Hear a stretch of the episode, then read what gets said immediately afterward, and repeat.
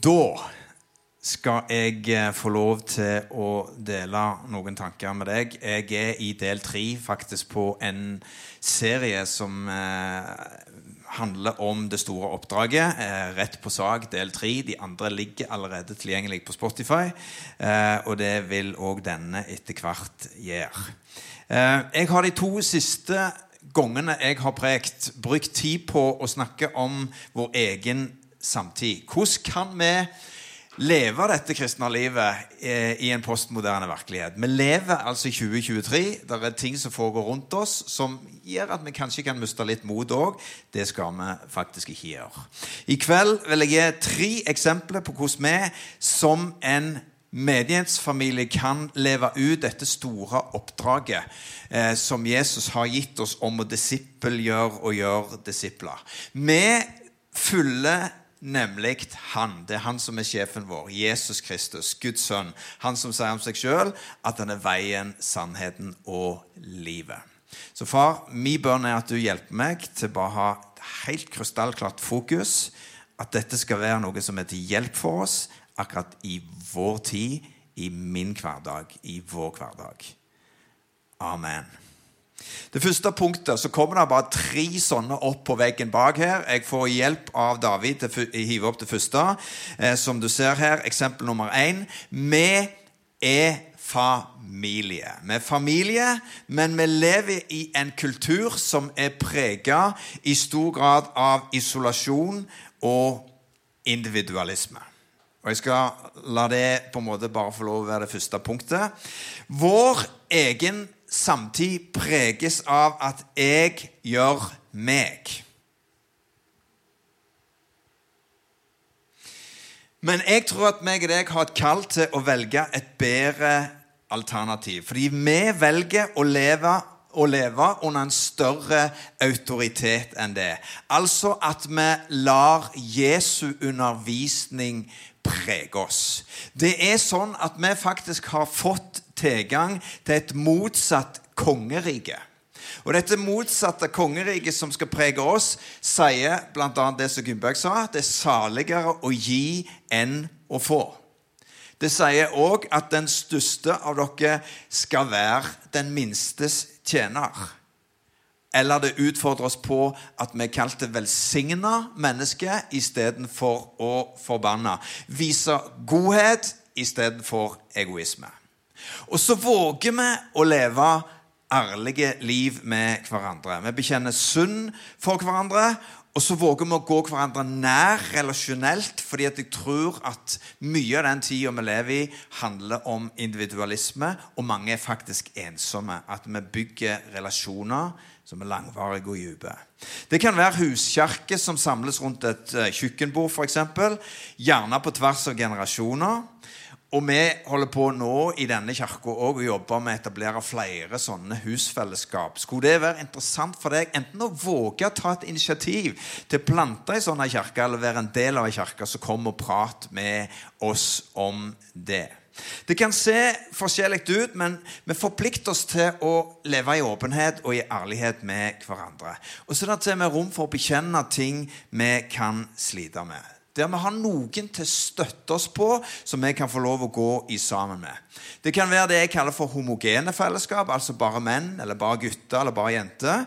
Eller eh, det kan være to-tre familier som bare bestemmer seg for å komme sammen og, og spise middag sammen og gå på, på rundgang. Det er mange måter å gjøre dette på. Jeg tror at vi skal se mange sånne forskjellige fellesskap komme opp. Men jeg tror allikevel at godhet skal få lov å være et stikkord i denne store kristne familien. Eh, og Historisk sett så vil du se at de kirkene som løfter fram nestekjærlighet og diakoni, de kommer til å vokse.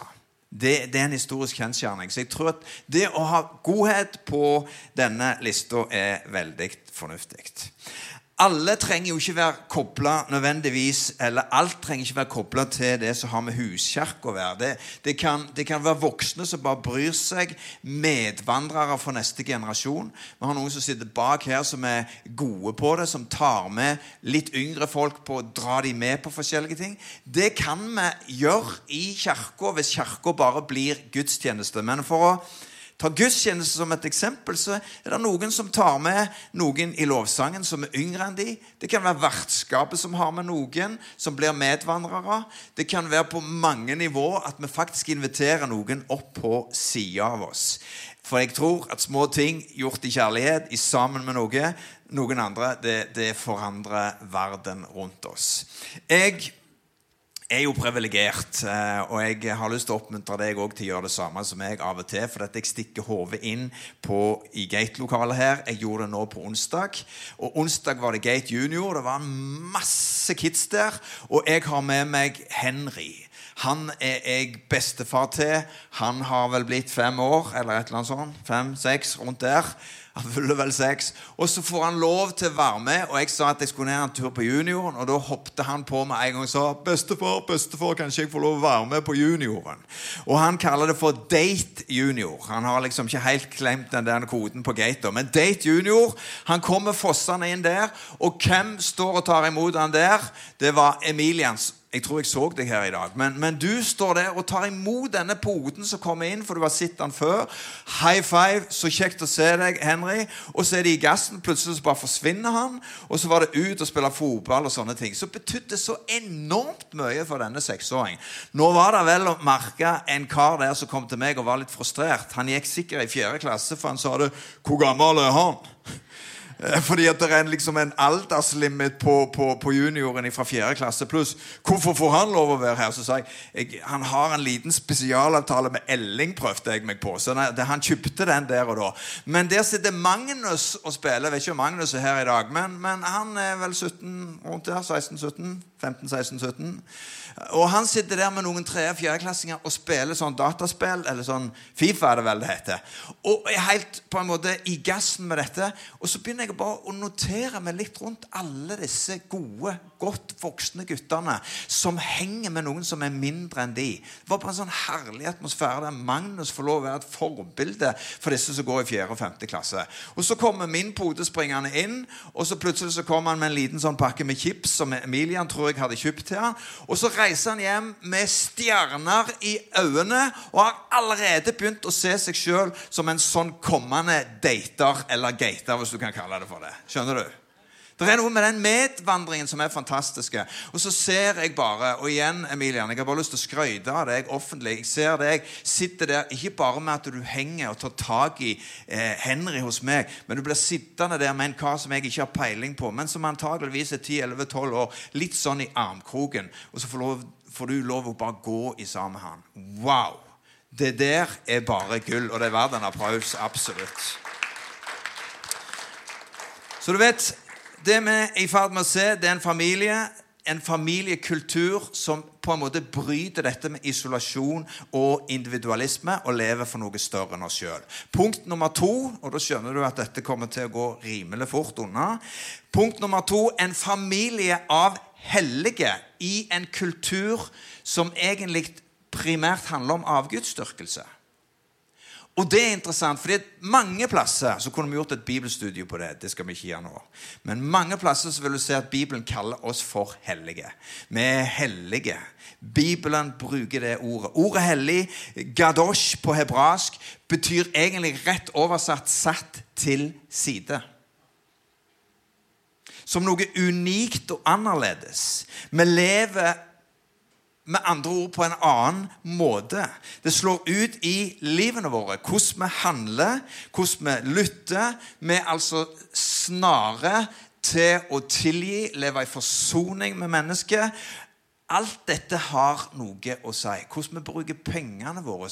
At Bibelen får lov å prege måten vi faktisk lever på. Men det handler òg om måten vi lever ut vår seksualitet på. Så har jeg vært litt i det tidligere, men jeg tror det er viktig fordi det er en del unge mennesker som lurer litt på hva mener vi om dette med sex i vår egen tid. I en verden hvor kropp knyttes til tilfredsstillelse og begjær. Hvor sex har blitt en sånn lekebinge, og hvor kjønn flyter, der har vi et bedre kall. Vi har et mye bedre kall. Bibelen sier at vi skal stille våre kropper fram som et levende, hellig offer. Og Det betyr altså at vi ikke tar opp i oss mønster fra verden rundt oss. Det gjør vi i stor grad fordi vi er påvirka av kulturen vår. Romerne kapittel 12, vers 1-2. Har du mobilen med eller Bibelen med, så kan du slå det opp, men jeg skal lese det for deg. Romerne 12, 1-2.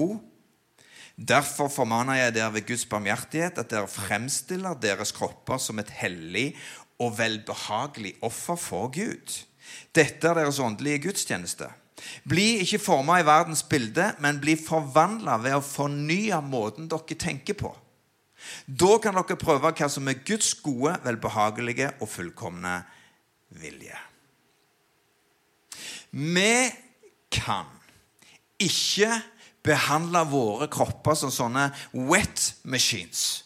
Eller et verktøy du kan bruke bare til egen tilfredsstillelse. Sitat Melinda Selmys. Sjekk ut den dama. Hun er katolsk, så hold deg fast. Men hun er vettug og skriver om intimitet. Hun skriver om seksualitet i vår egen samtid og er råbra på akkurat dette temaet. Din kropp er et eksempel Ditt, ditt kropp er ikke et eksempel Ja, det er det òg. Det, det, er et eksempel. Men det er et tempel for Den hellige ånd. Det er kontaktpunktet du har med relasjonen med Gud, jf. Romane 12, som jeg leste nå. Og du ser, Når vi skal snakke sant om disippelskap, så handler jo det om etterfølgelse i vår tid. Og I Matteus 3 så står Jesus fram og sier Omvend dere, sier han. Omvend dere, for himmelens rike er kommet nær. Tro på Gud og tro på meg. Så vi som kirke går en annen vei enn den verden rundt oss gjør. Vi sier nei til egoisme, f.eks. Vi sier nei til 'jeg vil ha tilfredsstillelse nå fordi jeg fortjener det'. Nei, tvert om. Vi legger ned våre liv for det Gud vil. Det gode, det du vil finne behag i, det fullkomne. Og da har jeg lyst til å si at vet du hva, jeg tror, jeg tror at det kommer et trendskifte. Interessant med TikTok. Jeg vet ikke om dere er der. Jeg er der ikke sjøl engang. Jeg har bare hørt om det. Men det er interessant med TikTok. Hadde 350 millioner treff på sølibat. Det er altså en trendskifte nå der tusenvis av unge mennesker er så kjørt på seksualitet, så kjørt på så mange forhold, så kjørt på det å på et vis dele kakestykket med så mange at noen begynner å stå opp og si nei. Det begynner å bli trendy å vende tilbake igjen til bibelske verdier. Så sier ikke jeg at sølibat nødvendigvis er det for meg riktig. Jeg tror på sex, og Gud på en måte har pakket det inn i en god innpakning. Men forstå meg, det er et eller annet som er i ferd med å skje i samfunnet rundt oss. Så handler dette om mer enn vår seksualitet. Jeg er klar over det. Men vi oversvømmes av det, og pga. det så må vi faktisk snakke om det. The Economist har kåra Nancy Percy til å være en av USAs viktigste stemmer. Det er en annen vettug bok som jeg har pløyd gjennom, som heter 'Love Thy Body'. Og Der skriver hun det, krist, det kristne velger når det kommer til seksualitet, er deres sterkeste vitnesbyrd til verden rundt seg. Du vitner altså gjennom måten du lever på. Og Derfor må vi se en ung generasjon som bare våger å tenke annerledes om dette. Og bli trendy. Bare våge å sette en helt ny retning òg når det gjelder seksualitet. Du ser Når Jesus introduserte livslange ekteskap mellom mann og kvinne, så var det superradikalt på den tida. Synet på kvinnene var faktisk bruk og kast. Og Jesu undervisning løfter kvinner opp, sånn at de blir likeverdige med menn. Når Jesus introduserer en seksualitet som kobles til én partner, og som har tenkt å vare livet ut, så var det beinradikalt på den tida. Men ideen blir etter hvert en tradisjon som jeg og deg lever i, men nå er vi på vei ut av den. Så det har kommet et trendskifte. men bare følg meg gjennom dette. Det var radikalt på den tida, men etter hvert ble det en tradisjon. Hvorfor? Jo, fordi så mange erkjente at det førte til at mennesker og unger blomstra. Så du ser Gud ikke imot bransjen. Han er i for-bransjen. Han er for livet. Gud er for livet. Og tradisjon kommer ifra dette latinske ordet 'tradere'. Og vi er jo litt sånn på en måte, ja, men det er bare tradisjoner. Det kan være gode tradisjoner. forstå meg. Å tradere betyr å overføre til neste generasjon. Altså disippelskap. Og det er det vi har tenkt å bli flinke på i denne kirka. For vi må bygge en familie som er en motkultur, på et fundament som kommer til å bestå, og som kommer til å hjelpe neste generasjon å lykkes òg når det gjelder sex. Mm -hmm. Så det å tradere og overføre disse verdiene er viktige for oss. I vår egen postmoderne vestlige verden så har faktisk verden rundt oss blitt dekonstruert. Nå er disse ideene som vi holder fast på, igjen blitt radikale. Oppsummert så har jeg lyst til å si til deg vi må gjenoppdage gleden med å leve med overbevisning i ei tid av kompromiss. Våg å stå opp for Jesus og det ordet, og sett føttene på det. Og stå på det. Det kommer til å bli moderne igjen. Det kommer til å bygge noe. Det kommer til å dra horder av unge mennesker som er desillusjonerte der ute på fri seksualitet, på fritt kjønn, på alle disse tingene de må ta valg til. De vil søke tilbake igjen til et fundament å stå på. Og der kommer det kristne budskapet inn. Er vi redd for å bli sett på som litt rare? Kanskje. Eller våger vi å stå opp for Bibelens budskap, sånn som de første kristne? Du ser at Den kraften snudde faktisk Romerriket opp ned. Så er det det siste punktet. Det siste punktet. Punkt nummer tre.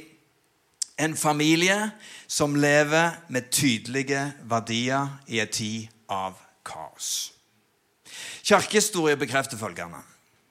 I en tid av kaos beveger iallfall deler av kirka seg historisk mot orden og tydelige verdier. Jeg har sagt noe om det allerede. Det ser du historisk. Og Om du går til det fjerde århundret, så falt Romerriket sammen, og resultatet av det var kaos. Da starter der en bevegelse. Jeg har studert litt av den. Men, og du tenker skal han ha oss inn i kloster nå? Jeg skal ikke det. Men det starter en klosterbevegelse. Og det er interessant for oss pinsevenner å skjønne litt hva som faktisk skjedde da. Det startet en bevegelse av etterfølgere som, som etterfulgte Jesus, og som søkte et annet fellesskap. Dette begynte å spre seg langt opp til Nord-Europa, og rundt disse fellesskapene vokste det fram byer, og klostrene ble fundamentet i en urolig verden. Det er mange som trekker paralleller nå mellom det som skjedde med Romerriket, og det vi ser i dag. Og midt i den tida, for du så det da, men du vil se det igjen, så vil du se at saltet kommer fram igjen. Du vil se byer som ligger på fjell og blir lys. Og vi tror på sånne menighetsfellesskap. Og så må vi begynne, som jeg sa til disse menighetslederne på Gandal, for vi hadde et møte inntil meg her forrige uke, at vi må begynne å tenke som en landsby. Du vet, Gandal er jo litt spesielt, og for dere som kommer litt utenfra, så har dere jo skjønt dette med Gandal og Gandalitter osv. Men du hører til noe som er større enn, så du er absolutt velkommen til denne kirka for om du ikke skulle bo på Gandal. Men la meg stoppe bitte litt der før jeg avslutter. Vi er her på Gandal. En av Norges voksende, mest voksende bydeler. Facebook-sida til Gandal forrige uke jeg, jeg var inne og sjekket litt, der var det mange som var bekymra for ungdommer og det som skjedde i bydelen. Så, fordi de var opptatt av at alle disse unge ikke hadde tilbud. Og i diskusjonen så var verken Gate eller de andre kristne ungdomsarbeidene nevnt. Men sannheten er at vi faktisk er her. Og vi utgjør en stor positiv forskjell. Og det jeg tror som vil skje her, det er at noe av dette vil vokse og bety en forskjell for bydelen. Og at vi får lov å stå sammen som kristne og bety en sånn forskjell, er utrolig kjekt å se. Men Jon Arve hvordan kan vi da leve sånn? Som familie, som hellige og med tydelige verdier. Og det er det jeg skal avslutte med. Da har jeg lyst til å si det er én ting som vi gjerne snakker litt lite om, og det er åndelige vaner. Vi har vaner og uvaner i livene våre. Men regler for hvordan vi lever livet. Og det høres ut som om ja, men hvor blir Den hellige ånd av? Vi har snakket mye om Den hellige ånd. Det skal vi fortsette med. Men ta meg litt, bare lytt meg litt inn nå. Hvordan kan vi leve i denne tida? Jo, jeg har sagt noe om åndelige vaner. Det latinske ordet for regler er regula, eller det er et ord som også kan omsettes eller oversettes med regulering. Et system av rammer og praksis, eller rytme å leve etter. Så når Jesus sier 'bli i vintreet', så er det en praksis. Altså Du bestemmer deg for å bare bli i vintreet. Vi tar bestemmelser hver dag, og så lager vi hellige vaner. Og jeg har blitt over 60 år. Jeg har sånne hellige vaner. Det går på autopilot. Så hver morgen når jeg våkner, så har jeg hendene opp. Og så snur jeg meg mot Gunnbjørg og starter dagen med å velsigne henne. Og så nevner jeg hele familien min med navn, og kirka òg. Og så bruker jeg noen minutter før jeg står opp som en hellig vane. Ja, men det kan jo bare bli ei greie, det. Nei, men det er en vane, ser du. Du lager deg hellige vaner i løpet av dagen. For meg er det morgenen. Og så setter jeg meg ned, fyrer i ovnen, og så går det på autopilot. Jeg setter meg i den stolen, finner fram Bibelen og fargelegger den. Holder du på sånn ennå? De gjorde jo det da de var tenåringer. Alle mine bibler er fargelagte med sju forskjellige farger. Jeg har ikke et system i det hele tatt, men det er en vane. Jeg sa ikke du skal gjøre det, men du legger deg til hellige vaner. Så holder det gående sjøl i tøffe tider. Skjønner du? Du legger deg til sånne hellige vaner regler som hjelper deg. Det var disse reglene som ramma livet til munkene inne. Som pinsevenner så, så jeg sliter med gjerne med litt impulser derfra. Men jo lenger jeg lever, jo mindre tror jeg på at det er de gode, karismatiske vibbene som får meg til å stå løpet ut.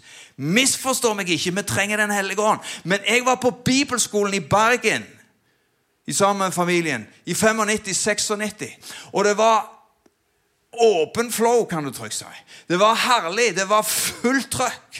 Og så kjenner vi noe av historien nå. Men sannheten er det at jeg møter en del på min alder som var så brennende og skulle ta, innta hele Europa og verden. De er desillusjonerte, sitter parkert på hyttene sine. Ikke fordi Den hellige ånd er mindre, men fordi de aldri etablerte åndelige vaner som holdt de gående. Wow. Vet du hva? Det jeg snakker om her, utrolig viktig. Det er viktig for familien din, det er viktig for livet ditt. Du blir en som bare setter føttene på, og så gjør du de samme tingene. Og så bygger du en hellig vane i en tid der så mange ting brytes ned. Det er de hellige vanene du etablerer deg, som vil ta deg gjennom livet. Det er hverdagen din. Hver dag. Og de holdt seg til. Hver dag samles de. Hver dag var de i tempelet. Hver dag ba de. Hver dag søkte de Gud. Hver dag. Mandag. Tirsdag. Ok. Om vi gjør dette som hans kropp, så vil han ta oss igjennom alt som måtte komme, og mange vil søke det i en tid av ustabilitet og uro. Vet du hva? Jeg skal avslutte med dette. Jeg har mer håp i dag enn jeg har hatt på lenge. Den postkristne kulturen vi nå lever i, vil feile. Angsten og uroen kan komme til å stige. hold deg fast. Forvirring på identitet og kjønn vil øke. Polarisering og meningshysteri likeså. Skille og avstand mellom rike og fattige kan komme til å akselerere. Verden rundt oss lover, men klarer ikke levere. Det går mot politiske kriser. Kina vil øke sin makt og innflytelse. I Europa ser vi tendensen til større og større fragmentering og uenighet. Immigrasjon og uro på det som har med rase, vil øke. Globalisering vil tilta. Dra mennesket inn i fangenskap mer enn å sørge for frihet og fred. Det som jeg sa nå, er min personlige mening. Men hva om dette ikke er en trussel, men det er vår beste tid? Det er vår beste tid. Det er vår beste tid. For at noe nytt skal spire fram. Hva om det kommer en Gud-konspirasjon? Wow, wow, wow, wow, wow. Du, du, har hørt om konspirasjon? Du har lest litt om det på nettet. Det er noen som konspirerer der ute. Det kan være Trump. Jeg vet ikke. Det er noen som holder på der. Det er, er konspirasjon. Hva om Gud har verdens største konspirasjon på gang? Hva om Gud hadde tenkt at det er nå det gjelder? Hva om Gud hadde tenkt at den største vekkelsen skal feie over jorda nå? Ja, men det handler om musikkstil. Du vet, Det er vi som sitter fast i Hillsong og alt dette. Ungdommen bryr seg ikke. De synger 'Han er min sang og min glede'. For de har ikke noe forhold til det. Ta deg en tur til bedehuset på Iveland. Det er ikke den mest sexy musikken, men Gud er der. Forstår meg, Hvorfor er han det? Jo, fordi det er en lengsel etter noe. Gud har en konspirasjon på gang. Og han kommer til å fylle hus etter hus, bedehus etter bedehus, kirke etter kirke, med lengtende mennesker. Men vi må være der som står på dette ordet. Ikke gå på kompromiss, men våge å stå støtt på det Gud har gitt oss, det han har talt oss om. Da vil vi være med og fasilitere for neste generasjon. Vi blir åndelige mødre og fedre som kan få lov å gå i sammen med denne generasjonen. Ja, takk, Jesus. Det var rett før jeg sa det, men det er litt stygt å si at jeg taler bedre enn du responderer. Men det, det, det, Jeg kjente på det, men jeg, jeg fikk nåde til tider. Men jeg klarte det ikke allikevel. Sånn er det bare. Jeg lander nå.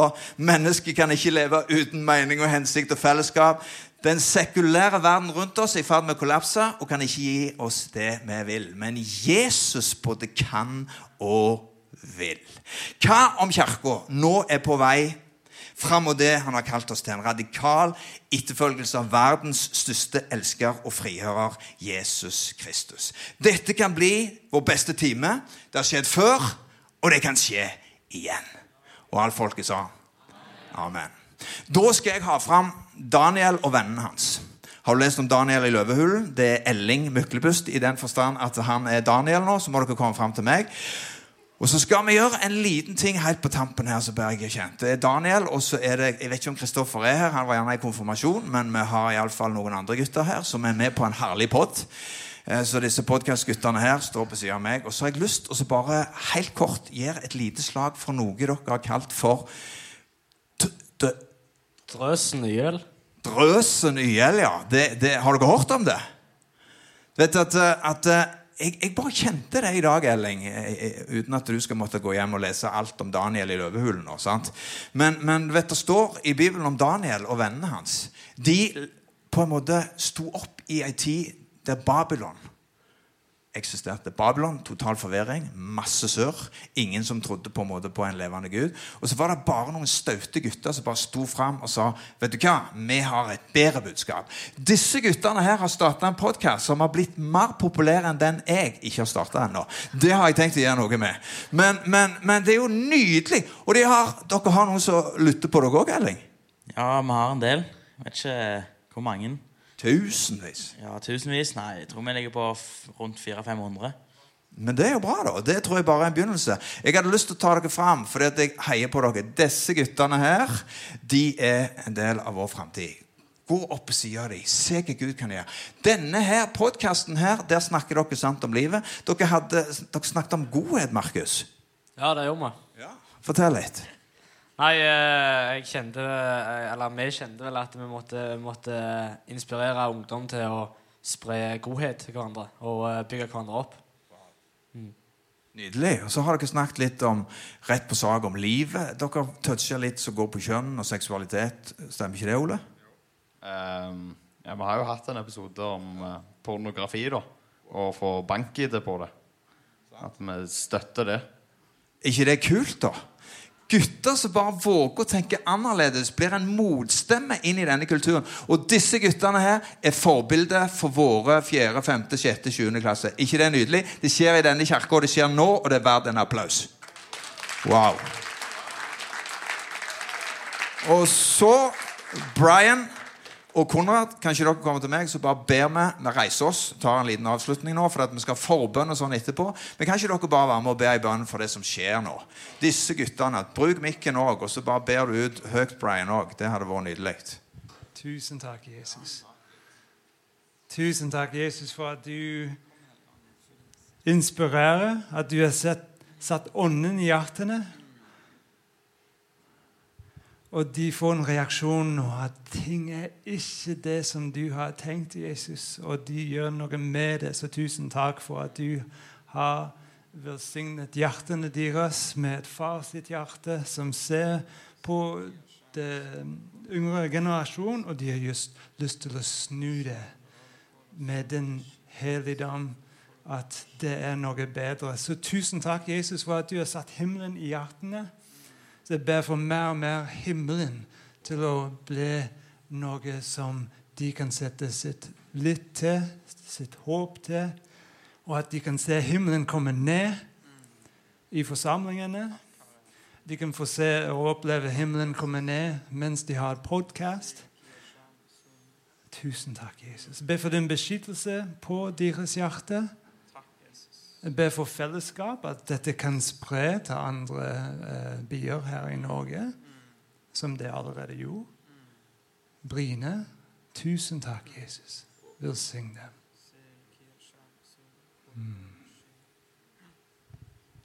Gutta um, um, Djevelen, han hater når vi ber i tunge. Fordi han forstår ikke hva som kommer. Når vi åpner det språket som Gud har gitt oss, eh, så er det akkurat som at, Gud, akkurat som at djevelen vet at nå får han en på trynet. Nå får han en blåsveis som han ikke vet hva han skal gjøre med, for det er bare noe som, som er mellom deg og mellom Gud. Så jeg har lyst til å bare be om at Den hellige ånd skal fylle dere.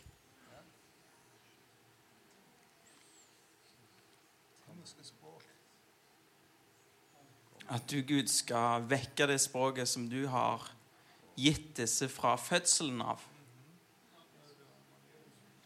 At tungene skal få lov å være noe som våknes i Jesu navn, Herre. At det skal være det våpenet som de trenger til å stå imot når djevelen kommer og lokker dem. Når de ikke vet hvordan de skal få sagt det på norsk, så kan de si.